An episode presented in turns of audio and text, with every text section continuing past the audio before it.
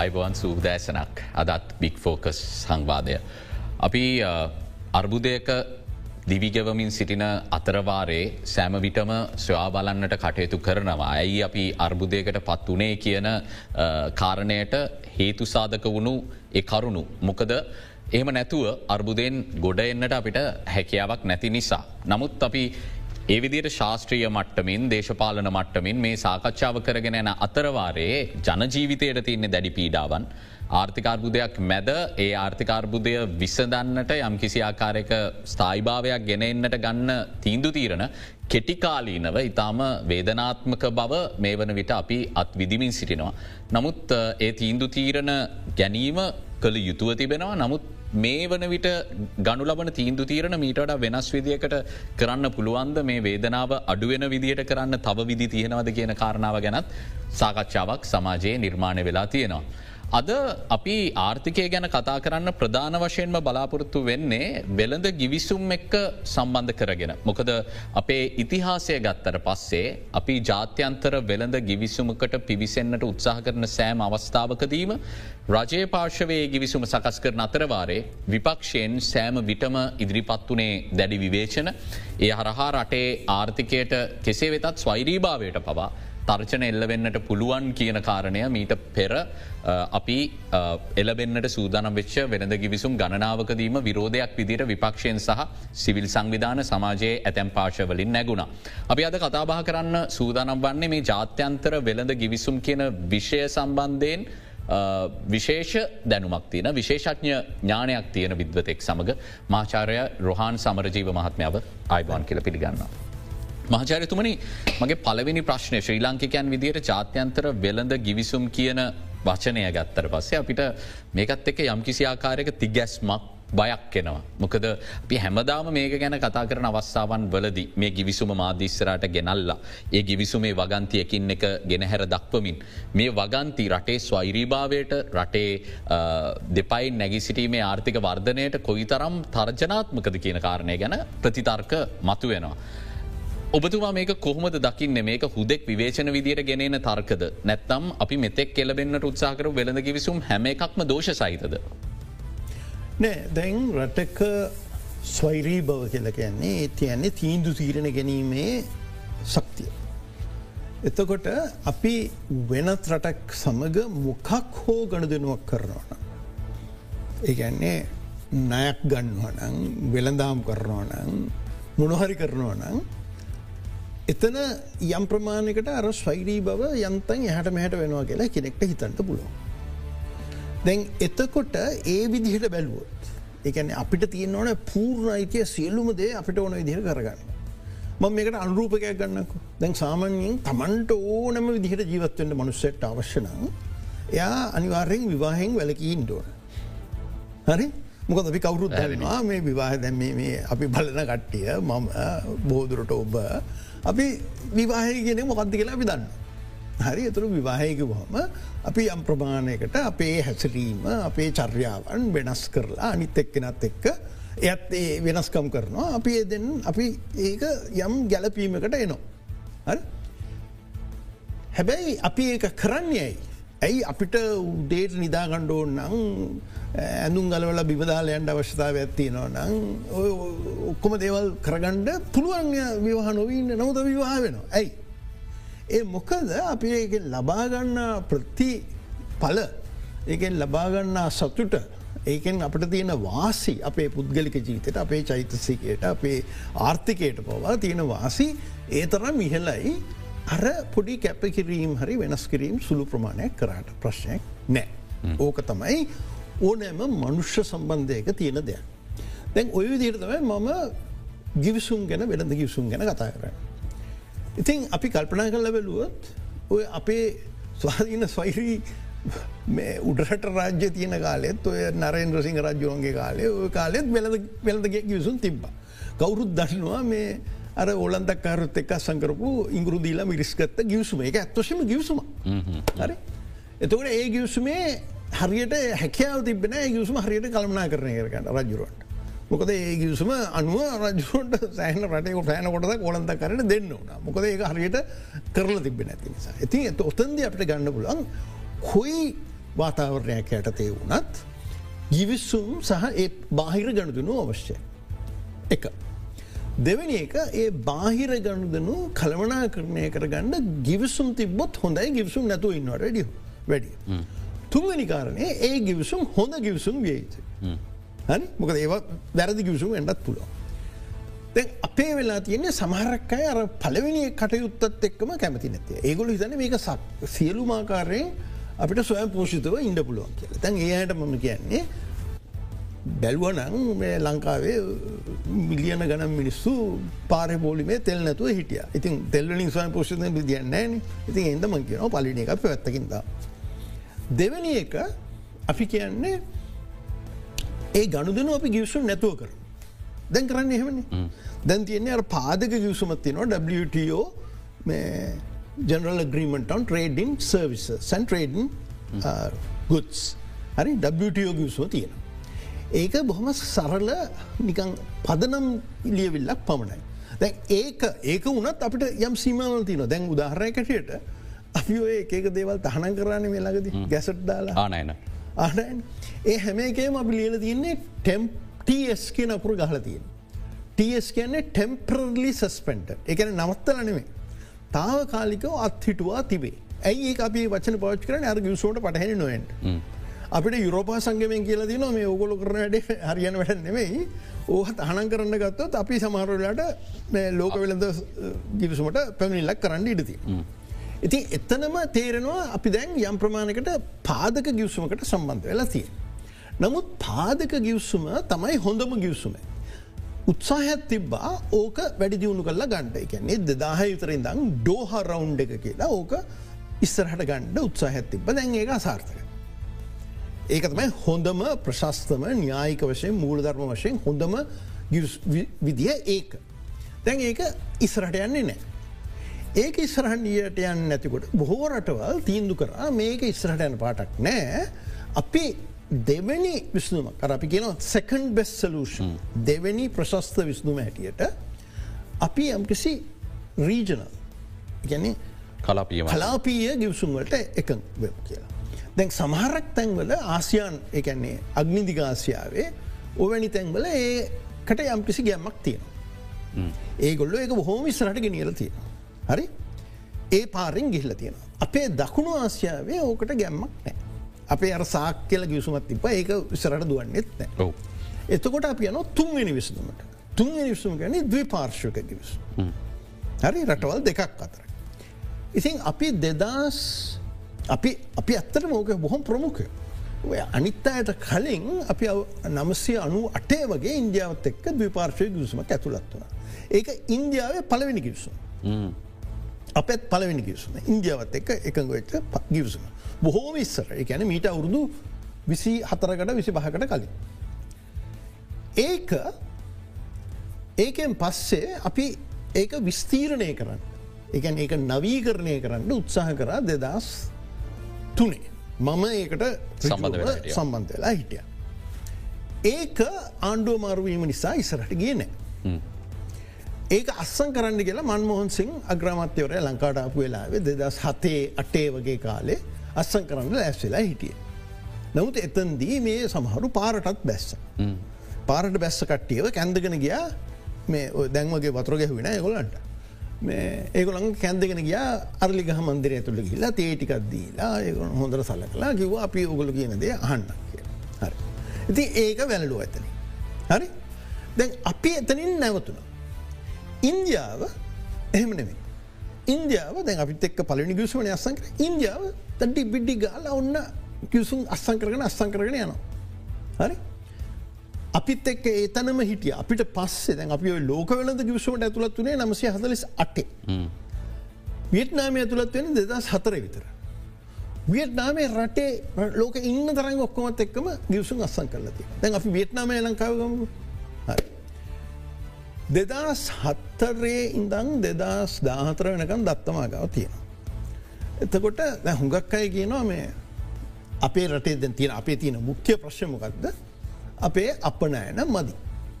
ඒකන අපට තියෙන ප්‍රශ්න. අපනෑන මදි ඩොලර් නෑ ඩොලර් නැතිකොට ආනයනය කරන්න සල්ලිනෑ ඕකන ප්‍රශ්න. ඒක තමයි මේ කූපන්දාගෙන මේ සලාග ක්‍රමයට තෙල්ටිකක් ගහගෙන අරහ මේ ශේපවි අපි යන්න බෙහෙට්ටික අඩුයි අරක අඩුයි මේ අඩුයි කියක යන්නේ ඩොලර් නැති ඩොල රුපයන්ඩ කොඳ අපනය කර. දැන් සමහරු කියනවා මේ අපනයන නැත්ත විදේශායජන නැති නිසාකි. විදේශායජනත් වැදගත් නමුත් දේශායන වාජන විතරක් නෙවේ විසුන්න. හේතුව මේකයි. ලංකාවේ දෙදහස් දෙකේ විතර තිබ්බ විදේශායජන ප්‍රමාණය බැලුහම ඒක දෙගුණ විතර වුණා දෙදස් දාතරවෙන. හරි වියට්නාම තිබ විදේශාය ප්‍රමාණ දෙගුණ විතර වෙනවා ඒ කාලවෙන. ඒත් හරි. එතකොට ලංකාවෙන් තිබ්බ අපනයන වැඩි වෙන්න ආය දෙගුණකින් විතර. වියට්නාමය අපනෑන වැඩි වෙන්න නම ගුණයකින්. ද හේතුව මොකද අපි අර වෙළඳ ගිවසුන් වලින් තියෙන වෙළඳ ප්‍රවේශය කියලා තියෙනදේ. ඒ වෙළඳාමට යොමුණු ආයෝජන මේ අපි කරේ. අපි කරපු ආයෝජන ඔවන් ලංකාවේ උද උද උනන්දු කරපු ආයෝජන උනාද කියලා බලන්න න ඔය හයිලවල් පාරයනකොට හැබ්ලොක් සිටී කියන අර්තියනය ලොකු තට්ටු ගහගෙන ගහගෙන අර ඉස්සර මේ රෙදිමෝල තිබතන් අන්න ඒක දිහ බල. ඔය තියෙන ලංකාව කරපු ආය. දැන් ඒකෙන් අපනානාදායමක් ඩොලරාදායමක් රජුවම නිෂ්පාදනය වෙන්නේ නෑන් හරි? අපේ ලොකුම විදේශායකය කවුද? මේ ටෙලිකෝම් කෝප්පෙන්. එතර ඒවයිනු ඩොලරුපයන් නෑන හරි? ඒක අපිට සේවයක් ලැබෙනවා. හොඳයි. ඔක්කොම හොඳයි. හරි? නවත් ඒක උපයන්නේ රුපිය ඒගැන අපි ගිහිල්ල තියන්නේ නොන් රේඩබල්ස් කියන දේවල්ට ජාත්‍යන්තර වශයෙන් වෙලදන් කරන්න බැරි දේවල්. වියට්නාම ගිය ජාත්‍යන්තර වශයෙන් වෙලදන් කරන්න පුළුවන් දේවල්. දැන් උදාහරණකට හැමෝම කතා කරන ඇත්මයි අලුත්ම තාක්ෂණය. මේ iPhoneෆෝන් එකක් ගත්තහම මේක පුද්දුමාකාර විදිහේ බහුතර රටවල් ගණනාවක් එක තුළ තම iPhoneෆෝන් එක එක රටක නෙමේ ඉස්සර චීනය කරපු දේවල් දැන් වියට්නාම කරන්න පටන් කර ඉතින් iPhoneෆෝන් එකකින් කොයි තරං අදම iPhoneෆෝන් මිලියන ගණන් හදනවන ඒ ආදායම් වියට්නාමට යනවා ඇයි වියට්නාමට යන්න මොක දේකුලවර වෙල ගියසුම්ල ඉන්න නිසා. හරි ජාත්‍යන්තර නිෂ්පාදන ජාලයක කොටස්කරුවෙක් නිසා හරි.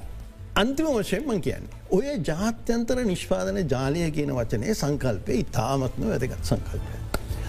සමහරු අපනෑන ගැන හිතනකොට කල්පනා කරන්නේ අර අර ඉල්මනයි කනිජවැල්ටිකක් කරන්න ඕක නිකම් පටවන්ඩ ඕගේ දේව කල්පන ඕ බො ප්‍රාථමික දේවල් මං ගැන්න කරන්න එපා කියල ප්‍රාථමික දේවල් වලින් කල්පනා කරන්න එපා මේ යුග. වඩා නවීන ක්‍රමේ ඔය ගෝලිය නිෂ්පාදන ජාල Global Production Networks. ඒවය කරන්නේ වෙන තැන්වලින් එක එක තැන්වලින් විශේෂඥ දැනුම දාලා යම් කොටසක් කරනවා. දැන් අපි ලංකාව තියන උදාහරයගත්තු ලංකාව අපි හරි අඩුවට සම්බන්ධල න අපේ එක උදාහරය දෙන්න පුළුවන්මට හොද. ලංඟහානස් කියල සමාගමත්තියෙන රොහන් පල්ලගම පල්ලෙවත්ත මහත්මයක. ඒගොල්ලු මේ අර එයා බෑගස් කියල තියෙන කාරවට කාරක ඇක්සිඩට එකන කල ඇවිල්ල මනුෂ්‍යවාසකර ඕ ඇ තියෙනවා? යම් කිසි මේ ඉන්ඩිකේ මේ මාපක මේක එක්සිඩන්ට ඇද මේක බ්‍රේක් පාරද්ද කියලා තේරුම් ගණඩ පුළුවන් මෙවලමත් තියෙන. ඒ වහදන්නේ ඔය බියගම කලාපේ ලංකහානස. ඉතින් කාරක ගත්තාම කාරගේ වටිනාකමෙන් මෙච්චර පොඩි ප්‍රමාණ ඇත්තම ඒක තියෙන. නමුත් ඒක නැත්තන් කාරක පාරදාන්න බෑ.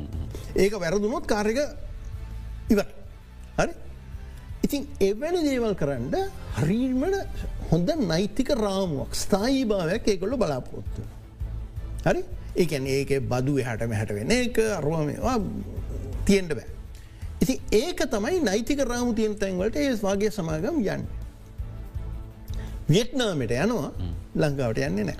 මතන ජංගම දුරකතනවල මයික්‍ර චිප් එක වගේ දෙවල් වියට්නාම ඉතාම සූක්ෂම ලෙස නිෂ්පාදනය කරන මේ වන. ඒ රාම් ඉති වියට්නාමේ දැන් අපි ගත්තොත් මේ විරුද්ධන සුඟක් කට්ටේ වාමාංශික ය කියලා හිතන කට්ටෙන එහම නැත්තන් අර තරුණ කාලේ වාමාංසික යම් කිසි ආභාෂයක් ලබපු කට්ටියන්නේ මට මතකයි මෛත්‍රී පලසිරි සෙන මත්‍යගේ මේ කාර්යාලයම මේ ලෙනින්ගේම පින්තුර තම ඒ දවස්වල තිබ ජනාධිපති කාලේ.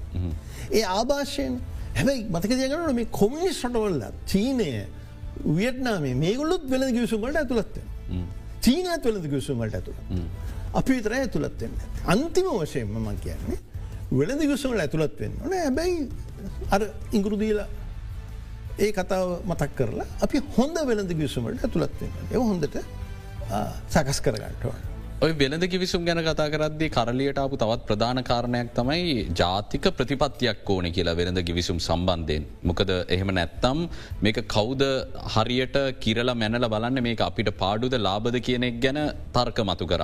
විශේෂම දෙදස් දහටේ සිංගපුරුව සමඟ වෙළඳ විසුමට අද්දී බොහෝ ෘතිකයන්ගේ සංවිධාන ඊට එරෙහිව ජනතාව පෙළගස්වන්නට ප්‍රධාන කටයුතු කර සම්මන්ත්‍රණ තිබ පාරට බැස්සවා.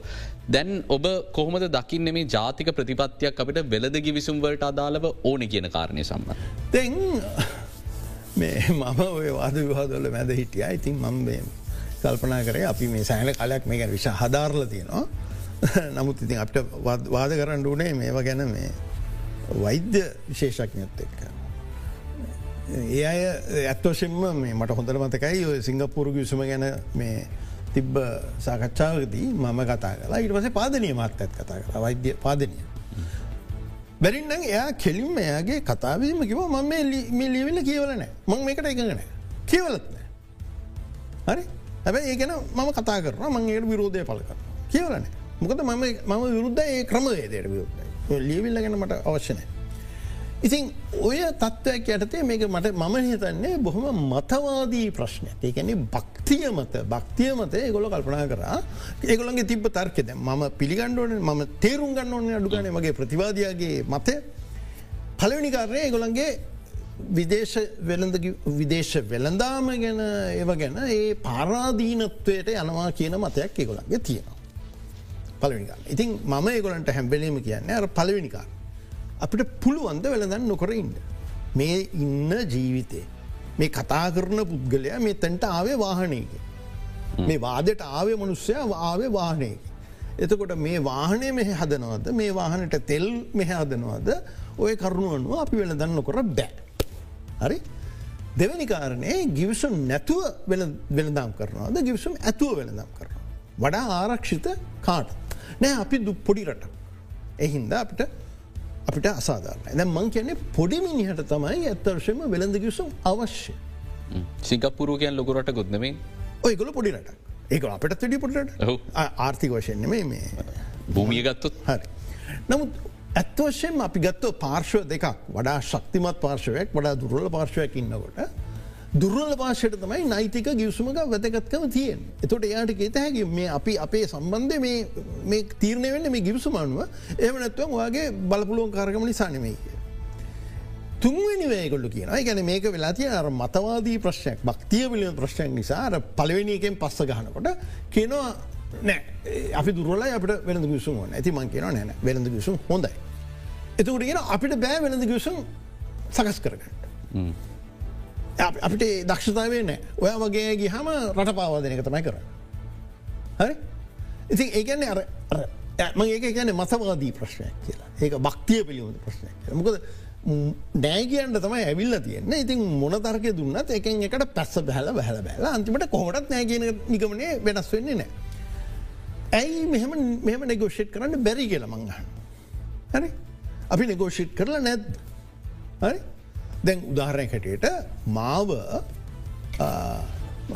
පුද්ගලය පම්පෝරය කියනොනෙමේ ඉන්දියාවයි නේ අමරිකාවයි මෙක්සිකෝ රටයි අතරේ තිබ්බා මේ යම් කිසි වෙළඳ ආරවුල ගියසුම ඇතුළ ඒගොලන්ගේ ගියසුම ඇතුළ වෙළඳ ආරවුල බය තිබ්බේ මේ විදුලි සන්දේශ තාක්ෂණය සම්බන්ධ. එතොර ඒ ඒ ගිවිසුම් ඇතුළේ බේරුම් කාර්මණ්ඩලයක් ආබිට්‍රේෂන් පැනල්ල එක හදන්න ඕන දෙගොල්ලගේ එකගත්තේ. මගේ නමත් යෝජනා කර මෙක්සිකෝව. අමරිකාව කට්ටිය ඒක පා කියලා කිව්ව. ඒක එහෙම තමයි මන්දන්න ඇයි කියලා ඒකොල එක පැයි කියලා වෙන සුන්දනෙක වත් කරගත්ත. හරි එකන ඇයි එහෙමද අවබෝධයක් දැනුවක් අපිට තියෙනවා නම් ඇයි අපි හිතන්නේ ඇයි අපේ එහෙම හීනවාන ඇත්තියන ලංකාවයට නෑක. දැ උදාහරණකට අපි ඔය ස්කැප් සංවිධානය ඉහල්ලම තනතුරු වෙළඳශය ලාංකික ඉන්න. එහ ලංකාවන්න. ඇයි ඒ අයවදාන්නට මම්බගේ මේ වාද විවාද කරන පක්ෂ ග්‍රහි පුද්ගලෙක් නැතු අර හුදු තාක්ෂණික පුද්ගලවින්. එහෙමත් නැත්තං මේවට දැන් අපි වෙනුවෙන් අපේ රට වෙනුවෙන් නය ප්‍රතිවියෝගතක කිරීම ගැන කවුද මේ ඒ ගණුදනෝ භාරවින් භාරවින්නේ විදේශීය සමාගම් දෙක. විශේෂඥ දැනුම ඇති විදේශීය සමාගම් දෙකක් අපේ මහබැංකුවේ ඉහල ස්තරයේ නිලධාරීන් සහ අපේ බාණ්ඩාගාරයේ ලේකම්තුමාගේ අධීක්ෂණය සහ මෙහෙවීම යටතේ විදේශය විදේශ විශේෂඥ තමයි මේක කරන්න ලසාත් සහ ක්‍රිස ලිෆට් චාන්ස්. ඉතින් එහෙම කරන්න බැරිය. අපිට බැරිනම්. නෑ මං කියන මේකයි දැ මගේ කිසි විරුද්ධත්වයක් නෑ විදේශීය දැනුම ප්‍රාවිච්චි කරනවාට. දැ ඇත්ත වශයෙන් මම යම් ප්‍රමාණකට මෙතන්ද එකඟ වෙනවා දැ මටමතකයි මම දෙදස් ගනන්වල දෙදස් තුනේ විතර ඉන්දියාව කට්ටියත් එක මේ සාකච්ඡා කරනකොට ඒගොල්ලෝ නිකම් පූර්ණ කාලීනව වෙළඳ ගියවසුම් පිළිබඳ සාකච්ඡාවල යෙදිල හිට ඒ කියන්නේ සමහරක්වලට ගොල්ලො මට කියනවා මේ රැස්වීම පසේ අපි යනෝ බංගලිදේශ. අපි එහෙත් ගියවසුමක් කතා කරගෙන යන්න. කිරීම තුළින් පුදුමාකාර අධ්‍යාපනයක් ලබා අනිවාර ඒකනේ සංසාන්ධනාත්මක අරගොල්ලන්ගේ තර්කයමොකක්ද මේ ගොලන්ගේ තර්කයමොකක්ද මේ වචන මාලාවේ අර්ථය මොකක්ද හොමෝම කියලා ඉගැන හොඳ අවබෝධයක් ලබාගන්න පුළො. දැන් අපේ වෙලා තියෙන්නේ ඒව ගැන අපේ කවුරුත් දැන් කිසි දහයකට පහලෝකට කරලනෑ. අපේ රටේ අපේ රාජ්‍ය සේවය තුළේ වෙළඳ ගියසුම් කිරීම ගැන ඇත්තෝෂෙන්ම ඒ හැකියාවක් තියෙන කට්ටියක් හැදිලනෑ. ඉතින් බොහෝදුරට අපිට වෙන්නේ අරවිදිහේ. අර ස්කැප් සංවිධානය වැඩ කරපු ඔය විදිහ වෙළඳ ගියසුම් ගැන වෙනත්තාකාර අත්දැකීම් තියෙන කට්ටියව සම්බන්ධ කරගෙන ටීම්මයක් හදල කරන්න. එතන්දි මම හිතන්නේ නෑ වැරදි වැඩක් කියලා අර විදිහේ විශේෂඥ කණ්ඩායමක් විදේශිකයන් හරි විශේෂඥ කණ්ඩායමක් මුදල් දීලා ගිවසමකට ගන්න ඉතින් අපි සිංගපූරුවත් එක් හරි ඉන්දියාවත් එක් ගණදන කරන යනිවන සිංගපූරුවෙන් ගණඩපා ඉන්දියාවෙන් ගණඩපා හරි? වෙන්නටකින් මැදහත් රටකින් ගන්න දැන් අපි කතගන ක්‍රිකටීම එකට. අපි කවුරු දන්නන්නේ ක්‍රිටීමගේ කෝච්ල ගන්නකොට. කොයි තරන් කියලා මිකී ආතරට ඔහොමෝම කියලා අපි විදේශකයන්ගේ විශේෂක දනුව පච්චි කල තියෙනවන්නේ මැච් රෙෆ්‍රිවත් ගන්න වෙන රටකින්නේ. ඉතින් එහෙමනම් ඇයි මේ වගේ දේකට අපි ඒ විශේෂක කණ්ඩායමක් ගන්නේ නැත්තේ. ඔන්න ඔය විදිහට අපි අරාර මතවාදී එහමනත්තම් භක්තිය මත පදනම් වූ විරෝධයක් නැතුව මේක කළ යුතු ඉඩම් එහන් කරන හැටි ගැන අපට කතා කරන්න පුළුව. මේ අවස්ථාව දැන් අපි අර්බුදය ගැන පුනපුනා කියන්නට අවශ්‍යනය අර්බුදය දැනෙන නිසා. වෙළඳ ගිවිසුම් මේ වගේ දැඩි අර්බුදයක ගිලිලා ඉන්න රටකට ක්‍රියාත්ම කරන්න පුළුවන්ද. එහිදී විශේෂයෙන්ම අපේ පැත්තර වාසි වෙන විදියට කරන්න පුළුවන් තැනකද ශක්තිමත් තැනකද අපි ඉන්න. මේ වෙලාවේ අවාසිසාගත වෙන්න බැරිද අපි වෙළඳ ගිවිසුම් සාකච්ඡා කරන්න ගියම් වෙන රටවල් එක්. ද මගේ මතයන අපි ප්‍රමුඛතාවය දිය යුත්තේ අපි වැටල ඉන්න වලෙන් ගොඩේම.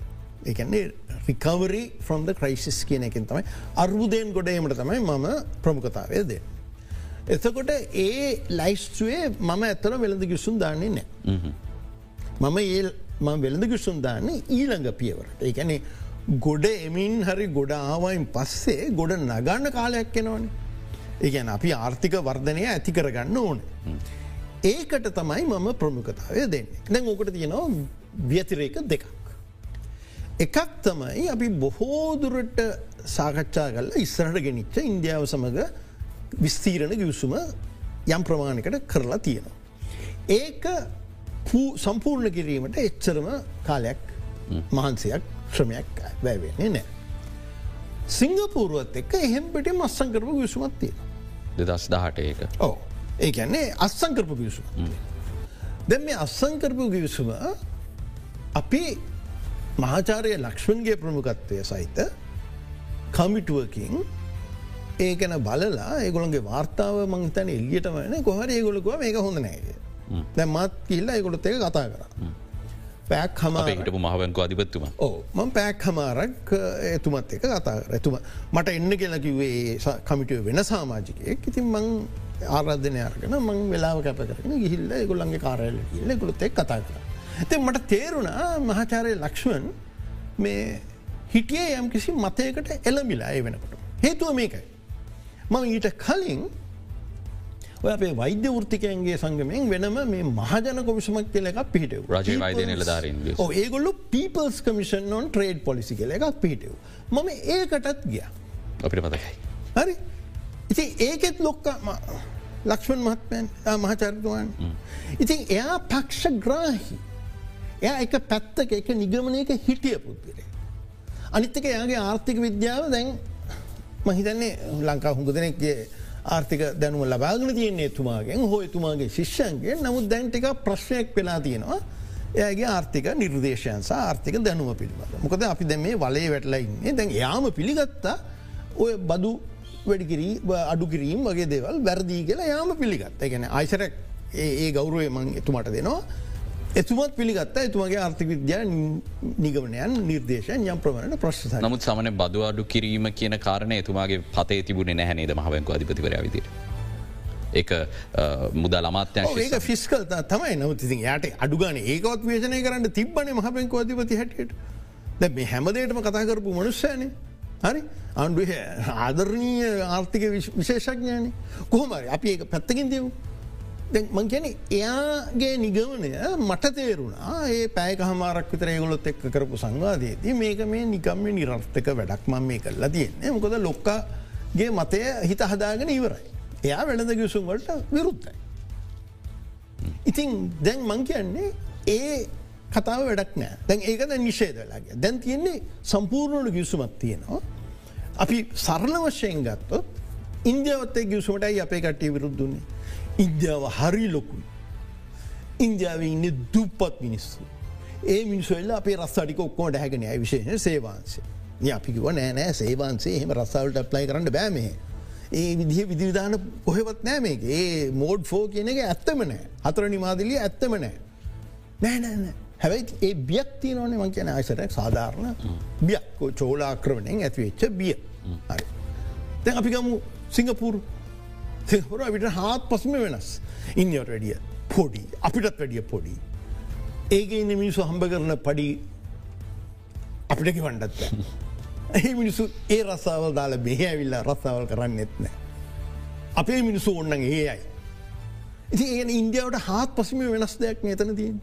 එකැන මං ගැන මේ අකුරු ඉලක්කං වාග වගන්ති වශයෙන්න්නේ මේ අර මූලික ස්වරූපෙන් ඔය විරෝධතායෙන්. ඉතින් ඒ විරෝධතාව ඉන්දියාවට විරුද්ධ වෙන එක කිසි සේත්මට වෙන් විරුද්ධ වෙන්ට බෑ ටියස් හත් පසම වෙන සිංගපුර නවත ඒකටත් විරුද්ධ. එතකොට තම මං කියන්නේ මේක මේ ඔය විරුද්ධ වෙන හේතු එච්චර වැදගත් නෑ. මේ උදවිය මේ හැමන දේටම විරුද්ධයි පටන්ගත් වෙලා විරුද්ධ ඉවරෙන වෙලා විරුද්ධ සංවාද වෙලාවත් විරුද්ධයි. අපි කෙටි විරාමයකට යොමුවේ යුතුයි විරාමෙන් අනතුරු අපි තව බොහෝදේ කතා බහ කරන්න සූදානමින්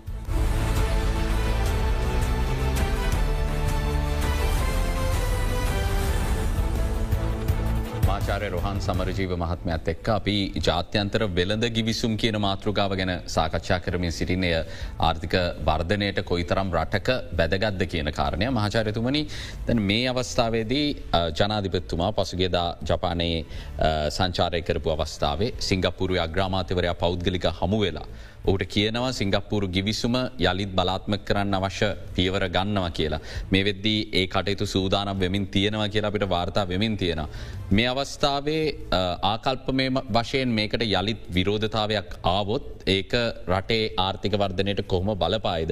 හැබැ අනිත් පසින් මේ ගිවිසුම් සම්බන්ධයෙන් විනිවිධභාවයෙන් රටේ සමස්ත ජනතාවට තේරෙන විදිට පැහැදිලි කරන්න රජය මොනවගේ ප්‍රයත්නයක් ගන්න ඕනෙද. පලනි කාරණයට උත්තර දෙවනි එකනන්ට අමාරු ප්‍රශ්නය බලමු. දැන් මේකයි ප්‍රශ්නය. RCEP කියලා කලාපීය විශාල වැදගත් වෙළඳ ගියසුමක් අස්සං කරලා තියෙනවා. ඒ RCEP ගියසුම කියල කියන්නේ රීජනල් කෝපරේෂන් ඉකනොමික් පාර්ට්නශිප් වගේ වචනය. ඒකට අපි වෙනස් විලායකට කියන ආසියන් ප්ලස් කියල එකන ආසියන් සංවිධානය සමග ගියසුන් අස්සං කල්ල තියෙන ඒ රටවල්ලෙක් ගියසුන් අස්සං කල තියෙන අයව එක ප්‍රාමූකට ගැනීම. ඕකට තියෙනවා වෙන න්‍යායික තර්ක තියෙනවා හුඟක් කිවසුන් එක පාට කල්මනය කරණය කරහම නිකං අවුල් ඇති වෙන නිසා ඒ ඔක්කොම රාමකට ගැනීම. ඕක තමයි අද ආශ්‍යාවය ප්‍රධානම සාධකය. තැන් අගතුමා මේ ජපානටි කියවලම ඊට ජනාධපත්තුමා ඊට කලින් කිව්වා අපි බොහෝ දුරට ප්‍රමුඛතාවය දෙන්නේ අග්නිදික ආසියාවට. මගේ පුද්ගලික මතය තවම අපි ප්‍රමුඛතාවදී යුත්තේ ඉන්දියාවත් එක් කියලා හේතුව අපි අපේ අපනයන ගත්තහම ඉන්දියාව අපේ අපනයන සියට විසතුනකට වක් කියන. අපි ආනයනය ගත්තහම ඒත් ඉන්දියාව හය දසම හතකට එනවා එකන්නේ අමරිකාවට සියට විසි පහයි බ්‍රතාානයට හතයි දසම හයයි ඉන්දියාවට හය දසම හතයි. එකන්නේ ආනයන සහ අපනයන දෙකම වැඩියත් තියෙන්නේ ඉන්දියාවත් එක්. එනිසා මම හෙම හිතන. නමුත් මහිතනේ ජනාධතුමා මට වැඩිය මහිතන දේශපාලන වශයෙන් කරල හැකි දේවල්සා නොකොල් හැකිවල් ගැන අවබෝධයක් ඇති. මොකද මං කිවන මේ අපේ ඉන්දියාවත් එක්ක තියන්නේ මහා සංකීර්ණ ව්‍යාකූල අපිට බුදු දහම දුන්න ඉන්දියාව තමයි. අපි ඒකට සලකනවා. අපේ කට්ටිය වැඩීම වන්දනාවයන්න ඉන්දියාවට තමයි. නමුත් අපිට අර චෝලා ක්‍රමණයයි කාලිංගමාගයි යෝවා අපේ මතකේ තාම තියෙන. ඉතින් ඉන්ජාවත් එක තියන්නේ බොහොම සංකීර්ණ ගැටලු සාගත අරිම කම්පිකේට. ඉතින් ආගමැතිතුමා මේ ජනහිපත්තුමා එහින්ද කියනවා අපි අනි පැත්තර යොමු කියලා.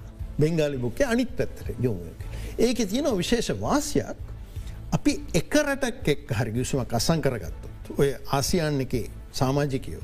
සිංගපූරුව තායිලන්තේ කවුහරි එක්ක අසං කරගත්තොත්. එහෙනම් අපිට RCEP කියන කලාපිය ගිවිසුමට ඇතුළත්වෙන්ට තියෙන පලවෙනි පියවර අපි අරගෙන. ඒ එකක් හරි අසංකරගත්තේ නැත්තං අරකට යන්න බෑ. දැන් අපේ අපනයන බල දැන් සාමන්‍යෙන් අපේ ස්ථායි කරණය ගැන හෙට ගහන්ට ඩීසල් තියෙනවද? ඩීසල් නැවේ ප්‍රමාද ගස්තු ගෙවනවාද? වගේ ප්‍රශ්නවට අදාල කරුණ ඩොල රුපය ගන්න පුළුවන්. ඩොල රුපය ගන්න අපනයනය කරන්න. දැන් අපි අපනයනය කරනකොට මං මේ බලාගෙන ගියා. ඔය ආසියානු රටවල් දැන් මං කිවන ඉන්දියාව තුන්ගට දට ඉන්නෝගෙන ඔව. නමුත් ඔය අග්නිතිගාසියාවේ ආසියාන් රටවල් ගත්තහම ඒවයින් විසි තුන්වැනි තැනට තමයි ඉන්න. බින්දුවයි දසම දසම අටයි නමයක් එකෙන. එකට වඩා අඩු ප්‍රතිශතයක් තමයි අපේ අපනයනවලින් අපි සිංගපූරුවට යව.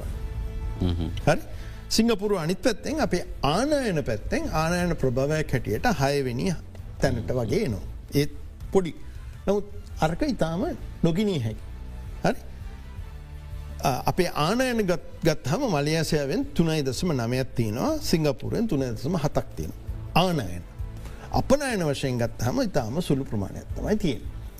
ඉතින් මෙතන මේගොල්ලු ගණන් හදන්න ඇති සිංගපූරුවත් එක තමයි අර පලවෙනි පියවර ගන්න ඕන මලයාසියාවත් එක්කන්නටඩිය සිංගවරත එක් ලේසි. අනිත්තක තහයි සිංගපුරුවේ තියෙන ප්‍රශ්නය අපි සිංගපුරට අපනයනය කරන්න නැත්තේ ඇයි කිය ලැහුවාම සිංගපුරුවේ තීරබොද නෑ. ඒක සම ලංකාවට තේරුම් ගට තමාරුව සිංගපුර තීරබොද නෑ. එතුර සිංගපුරුව කියන අපේ තීරබොද නෑ. එක අප කාටත් තීරබොද නෑ. අප ඕගලගෙන තීරබොද ගන්න මේ ගිවිසුව තිබත් නැසත් අපි ගන්නන හැබ ඒගොලු කියනවා ඕගොල්ලු තීරබ දීනවන ඒ අවුරුදු දොලහක් ඇතුළද ක්‍රමයෙන් අඩු කරලා අපි අපිට අවශ්‍ය ප්‍රමාණයට ගන්න. දැන් බලන්න මේක අසම්මම්බිතිකතාවය. ඒ නෙගෝසේෂන කේවල් කිරීම ඇතුළ ගොල පිළි අරන්තියෙන ඉති ඒක තමයි ගිවිසුම හදපු අපේ කට්ටියගේ දක්ෂතාවය කොටසක් නැතන් අපේ කට්ටිය දුර්වල නම් ඒගොල්ලොට කියන්න තිබ ශනිකවම මෙ බින්දුවට බස්සනවා ඒකට අමාරු වැඩක් ටිකක් මේ හුඟක් අමාරුවට. එහෙම කරලා නෑ ඒක සාධාරණ අවුදු දුලහක් ඇතුළද ක්‍රමයෙන් අඩු කිරීමට සම එකඟ වෙලා තිය. ඉතින් ඔය විදිහට මහිතන්නේ එතන තියෙන උපායමාගික වශයෙන් සිංපෝරත් එක්ක ගිවිසුම අස්සං කරමේවට කල්යනෝනේ. ඒ පලවෙනි පියවරක් හැටියට මේකට ප්‍රමුඛතාවය දීමේ ප්‍රෝජන ඇත්තියෙන. සිංගපූරුවත් එක් ඉතින් බාණ්ඩ අපනයනය ගැනති හුඟක් කතා කරන්න අවශ්‍යතාවය.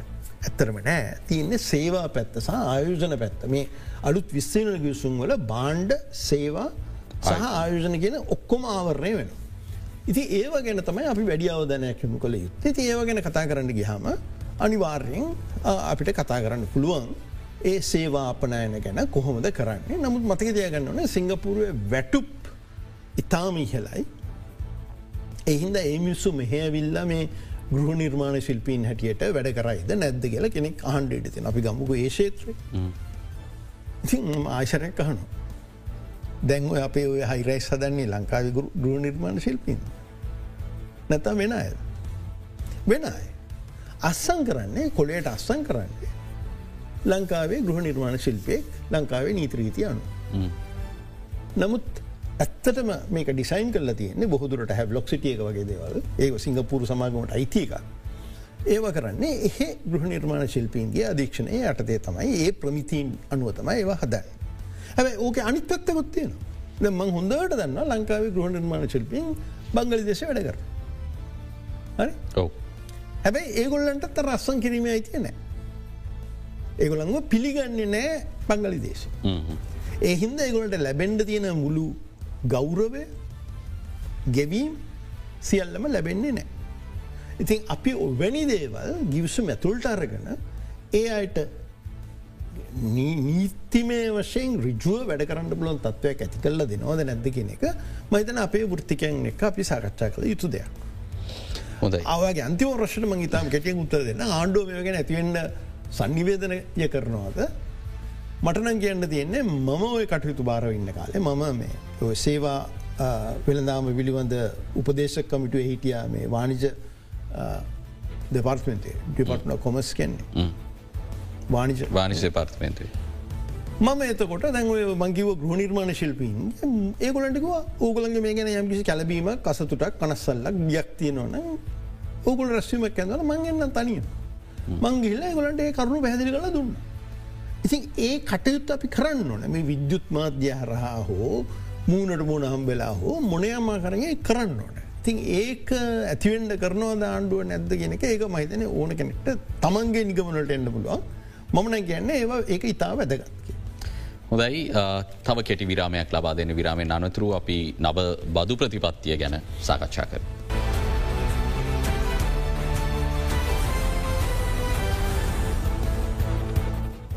මාචාරතුමනි දේශීය ආදායම් පනතට සංශෝධන ඇතුළත් කරවින් කෙටුම් පතක් මේ වෙදි ගැසට් කරල තියෙනවා. ඒ ගැන විශාල සාකච්ඡාවක් සමාජයේ නිර්මාණය වෙලා තියෙන මේ බදු ආදායම ඉහළ නංවා ගන්නට ගෙනල්ලා තියෙන හඳුන්නාදීලා තියෙන නව ක්‍රමවේද සම්බන්ධයෙන්. ඔ සමස්යක් විදිර මේක දකින්න කොහොමද. අපි සමස්තයක් විදියක් බලන්ඩ මේ ඉතාමත්ම හොඳ පොඩි කරුණුට එකත්තේ. විස්සයි විසේක වර්ෂයේ අපි තුර විස්සයි විසියක් ගැන අපි ගාව තියෙනෙස් මේ තක්සේරු කර දත්තනම සත්‍යය දත්ත තියෙන්නේ. විස්සයි විසේක වර්ෂයේ සක්කල්ල බදු ආදාය ඒගැන ආදායම් බදු රක්නම ආදායබදු වැට්ද ඔක්කොම එකතු කරලා ඒ සියල්ලම එකතු කරහම සියට අසු ඒකෙන් සියට අසූ නමයක්. වියදන් කරේ රජයේ සේවකන්ගේ වැටුප් සහ විශ්‍රාම වැටුප්පොලට හරි? අසුහය එතකොට තියෙනවා සියට දාහතරක් තියෙනවා ණයගෙවීම් විදුලි බලමණ්ඩලේ පාඩුපියවීම් සහනාධාරදීම සියලු කටයු තුළ තියනවා සියට දාහතර. හරි එතකොට මේ පහුගේ දා ඉදිරිපත් කරපු මේ ජනදයුත්මා මුදල් ඇමති වශයෙන් ඉදිරිපත් කරපු අයවයේ දීල තියෙනවා අපි ලබාගන්ට යන බදු ගැන යම්කිසි ප්‍රක්ෂේපනය. ඉළඟට ආදායම් ගැනත් ගැන වියද වියදන් ගැන නිශ්චිතන වියදම් ඇත්තෝශයෙන්ම ගණන් හදල කියන්න පුලො. එතකොට මේ රජයේ සේවකයන්ගේ වැටුප් සහ විශ්‍රාමයට මිල බිල එකතුව සියට අද අටයි දසම හයකින් වැඩියලා දනවා විස්සයි විසි දෙක වර්ශය. අපි හනය මේ අර්බුදයක් මැත හොන් මේක වැඩි වුණේ මේකොල වැඩි කරාද පඩි ඉංක්‍රමට් දුන්නද. නෑ ජනවාරි මාසේ බැසිල් රාජපක්ෂ මහතා දුන්නනේ මුදල් ඇමති වශයෙන් රජයේ සේවකන්ට සහ විශ්‍රාමට ඔක්කෝ වැඩි කරන්න කරන්නමස් ඒවට ආදායමක් පෙන්ුවේ නෑ මම ඒකට කිව්වේ අය නැති වැයක් කියලා. හරි ඒ අයවැයක් නම අය නැති වැයක් කියලා. දැන් ඒවා පියවන්න පැ කවුරුවරි. ඒක නිසා ඒක අටයි දසමහයකින් වැඩි වුණා. දැන් ඒගොල්ලො කියනවා දැමිය අලුත් අයවැයේ ඔබතුම ගැන අතුරු අයවැයි. අතුරු අයවැයේ තක්ෂේරු කරනවා බදු ආදායම සියට හතලිස් එකකින් වැඩි කරන කියලා. සියට හතලිස් එකකින් වැඩි කරනවා කියලා. විසියකට සාපේක්ෂව විසි දෙකේ සියට හතලිස් දෙකකින් වැඩි කරනවා. එහෙම කරලත් බදුවලින් රජයේ සේවකැන්ගේ වියදන් හරි? අපි ඒවට ගැන නික මේ කන්ට්‍රක්වල් පේමස් ඒවා මේ මේ සකත්තයිරන්න වැරදිවල් හැම මාසයන්තිමටම ගෙවන්න ඕන දේවල්. ඉස්්‍රාම්වැටු සේවක පඩි.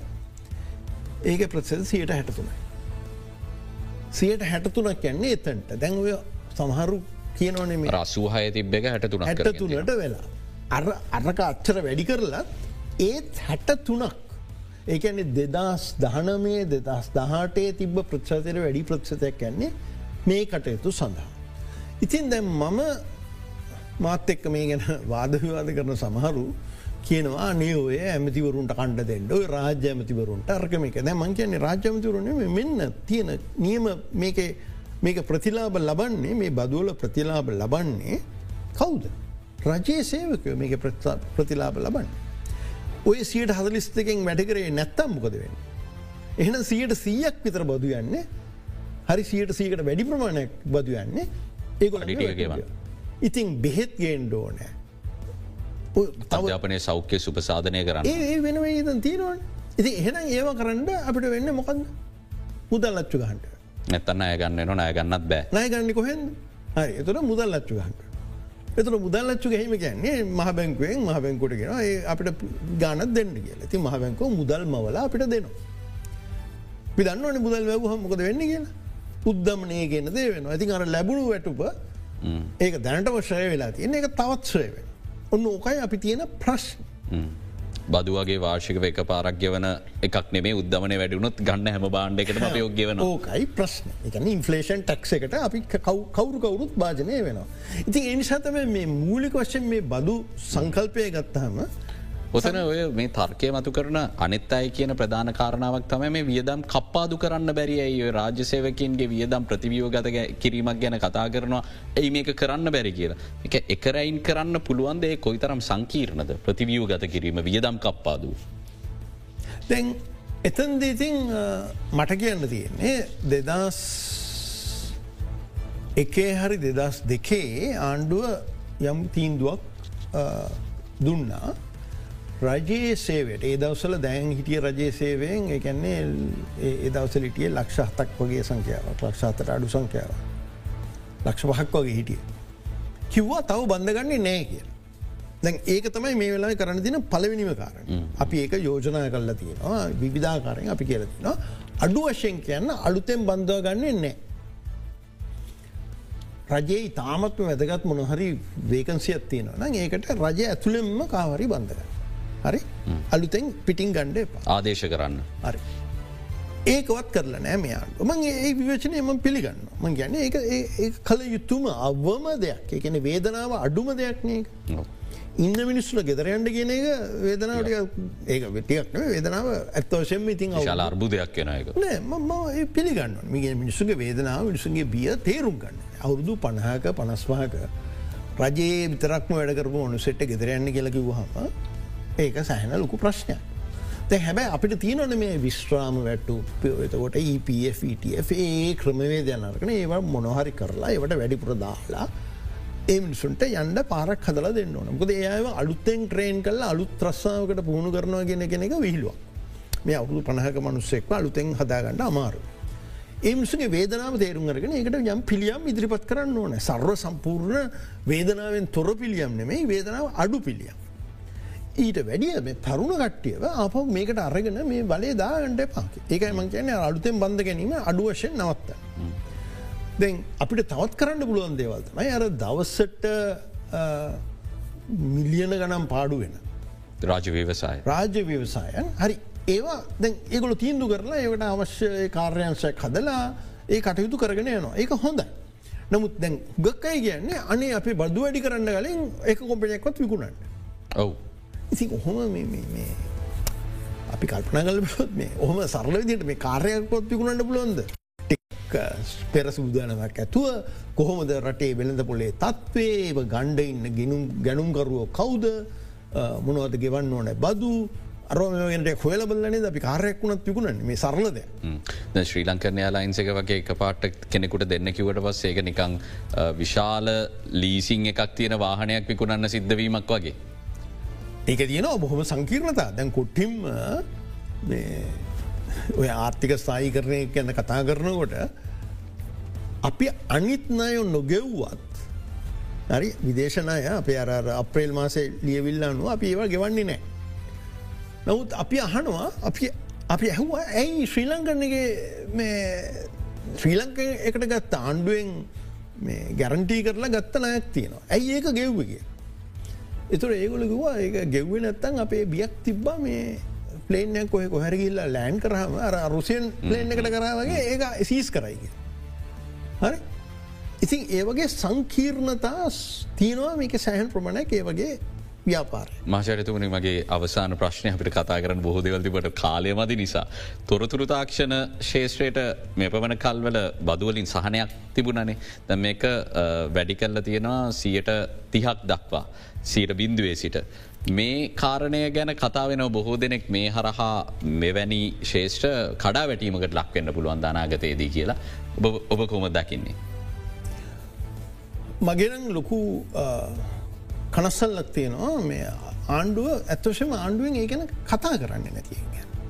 හරි මං කවදාවත් මේ දැ ඒ අපේ මගේනිකම් මගේ ශේත්‍රය කියලා මගෙනිකම් පොඩි ආදරයක් විශේෂ විශේෂ සැලකිල්ලක් තියනවන මං ඒගොල වෙනුවෙන් කතා කරනවා. ඒගොලන්ගේ වේදාවන් මං පුළුවන් විදිට මාධ්‍යාරා වෙන තැන්වල කතා කරනවා. නමුත් වෙලා තියන්නේ ආණ්ඩුව මේ එකක දෙවල් කිය කරනවා. නමුතෙකුට අඩුගානේ වාඩි වෙලා ඒගොලොත්තේ කතා කරන්න. ඒගොලන්ටමික පැහදිි කරලා දෙන්න ඕන. මොකක්ද මේ කෙරෙන්නේ කියලා. හරි?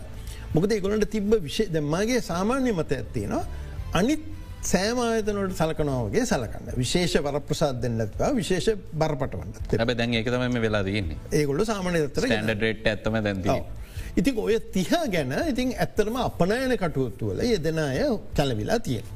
ඇත්වශයෙන්ම මම හිතනවා ඔය තිහ ගැන ටික කල්පනා කරලා බලලා ඒ ඇත් එක්ක සාමූහික සාකච්ඡා කරලා ටිකක් සලකා බලන්න වටිනවා කියලා. මොකද අපනායන කටයුතු ධෛර්යමත් කළ යුතුයි. ඒ අධෛර්යමත් කිරීම නෙමේ අපි කළ යුත් ඒක මං කතා කරන්නේ මූලික සිද්ධාන්තවලින් එතකොට සියට තිහක් ගන්නව නං. අපනයන් හැබැයි එතනත් එන්නේ මංහිතන්නේ ලාබේ ඔව. ඒකත් අප මතක තියාගන්න ඕනෑ. ලාබය කියන එක ඔය සමාගම්වල මේ සත්‍යලාභයක්ද නැද්ද ගෙන ඉතින් අප චුට්ටක් කල්පන කල බලන්න ඕන. තවත් විශේෂඥයෙන් දරණ මතයක් තම සමර දැන් නිෂ්පාදන කර්මාන්තයක ඉන්න කෙන තමන්ගේ ලාබෙන් සියට දහටක් ගෙවද්දී ඉස්සර අපනෑන කර්මාන්ති ඉන්න කෙන තමගේ ලාබයෙන් ගෙව සියට දාහතරයි එතොට එතන තියෙන වෙනස ආර්ථික ඇතුළ සාධාරණ නෑ කියන කාරණ. ඉතින් ඔන්න ඔතන්දි තමයි අර ජාතික ප්‍රතිපත්තිකෙන කතා කරනවා නම් මේ මංහිතන්නේ කෞද කියලා තිබන මේ අපේ ඇමති කෙනෙක් කියලා තිබ්බා. අපි මේ බදු පිළිබඳ ස්ථායි තත්වකට එන්නවන මේ බදු පිළිබඳ අපිට වෙලා තියන්නේ මේ අවුරුදු දෙකෙන් දෙකට අවුරුදු ඒක වෙනස් වෙනවා. ඒකම ඇති අපිට මේ රට දාලයන්ට. මතක තියගන්න තියෙන විශේෂ මතක තියගන්න තියෙන්ද මේ තොරතුරු සාතාක්ෂණ ශේත්‍රයේ ඉන්න ඉතාමත්ම ජංගම මිනිස්සු සහ සම්පත්. ඒගොල්ලන්ට මේ මෙතන රටේ මූල දරව්‍ය තියෙනවා අර්ව මේවා කියලා ඒ වැඩන්නෑ මේකින්න මිනිස්සු මේ මිනිස්සුන්ගේ හට මෑට කරන්න පුළුවන්න ඒගොල යනවා. ඉති ඒක තේරුම් ගන්නට. ඊට අමතරව ඇත්තවශෙන්ම මේ කනගාඩු දායකදේ හරිට කතා කරන්න ඇමති කෙනෙකුත්නෑ. රාජ්‍යමතිකන පත් කල තියෙනවා. නමුත් එතුමාගේ මගේ මොනද රම කියල පැහදිලින අගමත්තුවා මේක තියාගෙනන්න මේ ජනපත්තුම තියාගෙනන්න මේ පොට් ෆොලියගේ තන එතන ලේකම් කෙනෙක්කින්නවා තාක්ෂණය පිළිබඳ ලේකම් කෙනෙක්කින්න ඒ ඇතුළි ජයගනන්නවා දැන් ඒක අඩරි දීලා. ඒ මනුස්සට වගේ පොරන් මිනිසුගේ හිත් සනසන්ට මේ මිනිසුන්ට සාකච්ඡා කරන්න ඒ මිනිසුන්ට විශේෂ වෙච්ච වේදනාවල් තියනවන ඒ වේදනාවල් ගෙනල්ල මේසට මුදල් අමත්‍යන්සතෙක් කතා කල ඒගන ගක්කර විස්තුමත් දෙන්න. අන්න ඒකයි මම ඉල්ල. හොදයි මහචරිතමට බෙහිවින්ම සූතිවන්තය නාද අපේ ආරාධනාව පිළිගත්තාට මහිතන මේ දිනවල බොහෝ දෙනෙක් උනන්දුයි මේ ගණු ලබන ප්‍රතිසංස් කරන කොහොමද අපිට ගොඩ එන්න බලපාන්නේ නැත්නම් අපිට ගොඩ එන්න බලපාන් නැති තීන්දු තීරණ අපි ගනිමින් සිටිනවාද කියන කාරණය ගැන මේ ආර්ථික විද්‍යාව විෂයක් විදියට දන්න විද්වතුන්ගේ මතවාද දැනගන්න එනිසාපි බික්‍ෆෝකස් සංවාදය බොහෝ විට මේ වන විට රටේ තියෙන ප්‍රධානම අර්බුදය විසදීම සඳහා ගනු ලබන තීරණ සහ ගන්න කියල අපි යෝජනා කරන තීරණවලට ඉඩ කඩවෙන් කරන්නේ. එත් එක්ක අපි අදත් එවැනි සංවාදයක් ඔබට ඉදිරිපත් කර. ඉදිරියටත් අපි ඔබට එවැනිම සංවාද ඉදිරිපත් කරන්නට සූදානමි සිරින බෙහිවින්ම ස්තුති මහචරිතුමනි නැවතවතාව. අපි ඒත් සමගින් අදට සංවාධීන් සමුගන්නා. හෙටත් හමුවමු. සුපුරුදු වේලාවට. සුබදිනයක්.